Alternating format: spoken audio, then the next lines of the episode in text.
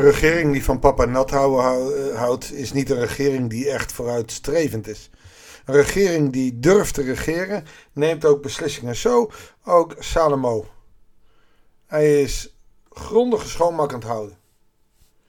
Want we lezen vandaag van Simi, waarvan David heeft gezegd dat hij hem niet zal ombrengen, maar dat hij niet oud mag worden. Omdat hij verschrikkelijke dingen aan David ja, heeft gezegd, heeft gedaan. Vandaag zullen we die Simi terugvinden. En daarin zien dat Salomo streng, maar toch rechtvaardig probeert te zijn. Goeiedag, hartelijk welkom bij een nieuwe uitzending van het Bijbels Dagboek. We lezen in 1 Koningen 2 vanaf vers 36 tot en met 46. Vervolgens ontbood de koning Simi en zei tegen hem: U kunt in Jeruzalem voor uzelf een huis bouwen en er gaan wonen. Maar u mag de stad niet verlaten om ergens anders heen te gaan. Zodra u de stad verlaat en Kidron oversteekt, dat is een riviertje vlak buiten Jeruzalem, bent u ten dode opgeschreven. Wees daarvan verzekerd. U hebt uw dood en aan uzelf te wijten. Simi antwoordde: Het is goed, mijn heer en koning, ik zal doen wat u zegt. En hij bleef in Jeruzalem wonen.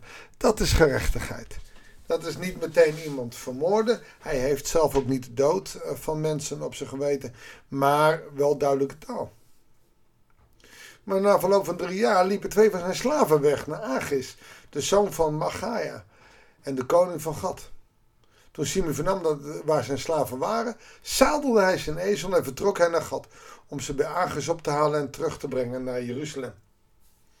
Toen de koning Salomo vernam dat Simi van Jeruzalem naar Gad was gegaan en weer was teruggekomen, ontbood hij hem en zei: Heb ik u niet bij de Heer gezworen en gewaarschuwd dat u ten dode opgeschreven zou zijn wanneer u de stad zou verlaten om ergens anders heen te gaan? Het is duidelijke taal wat Salomo hier uitkraamt. Het gaat hier over nou, iemand die lelijke dingen tegen David heeft gezegd. Hij blijft netjes wonen in Jeruzalem. En dan gaat hij alleen even naar gat toe om twee slaven op te halen die bij hem weggelopen zijn. Wij zouden zeggen, ach nou ja, nee, snap ook alweer dat hij dat doet. Salomo niet.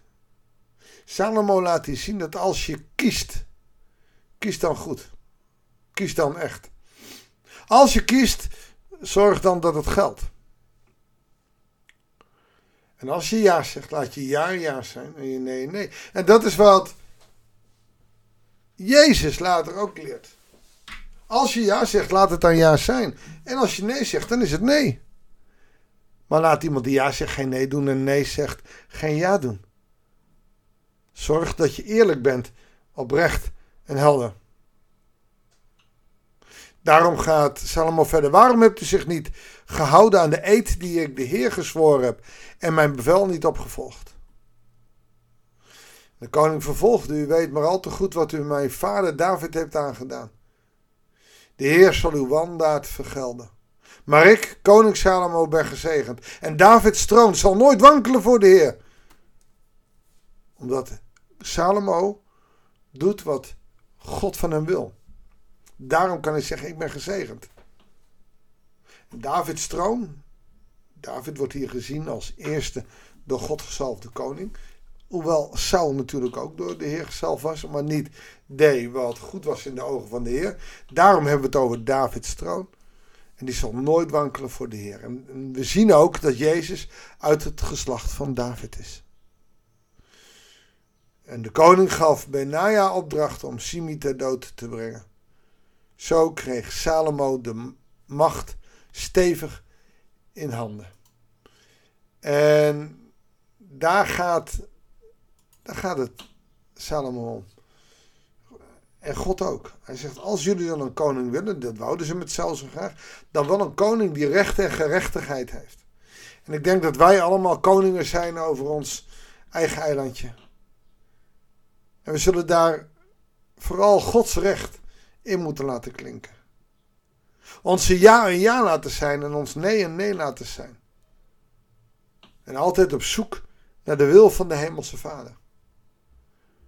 En dat is niet vanzelfsprekend. Uw ja, jouw ja, mijn ja. Nee, het moet zijn Gods ja. We moeten op zoek naar wie God is. Salomo die heeft daarmee ook de wilsbeschikking van David voltrokken. Het lijkt ook wel dat het nu als het ware wat kan beginnen. God geeft ook ons opdracht. God lief te hebben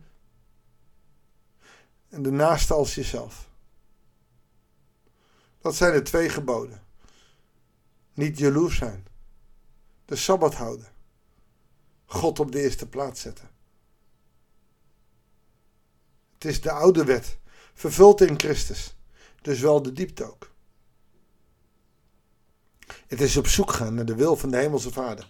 En die is niet universeel. Die kan per persoon verschillend zijn. Zullen we bidden of Hij die wil aan ons bekend wil maken? Lieve Vader in hemel, dank u wel dat u onze God bent. Dat u een God bent van liefde en genade. Heer, leer ons door de kracht van uw geest om uw wil te volgen. En dat heeft heel veel met die liefde en genade te maken. U wil dat wij vanuit die liefde en genade regeren in onze eigen koninkrijkjes. Heere God, maar wij, wij regeren niet vanuit uw wil. We regeren vanuit onze wil. Onze ego. Wij weten het allemaal zo goed. Heer, vergeef ons. Ga met ons mee. En leer ons dienend leiderschap te hebben. Leer ons wat uw wil is voor ons dagelijks leven. Dat bidden we u in Jezus' naam. Amen. Hartelijk dank voor het luisteren. Ik wens je God zegen. En heel graag tot de volgende uitzending van het Bijbelsdagboek.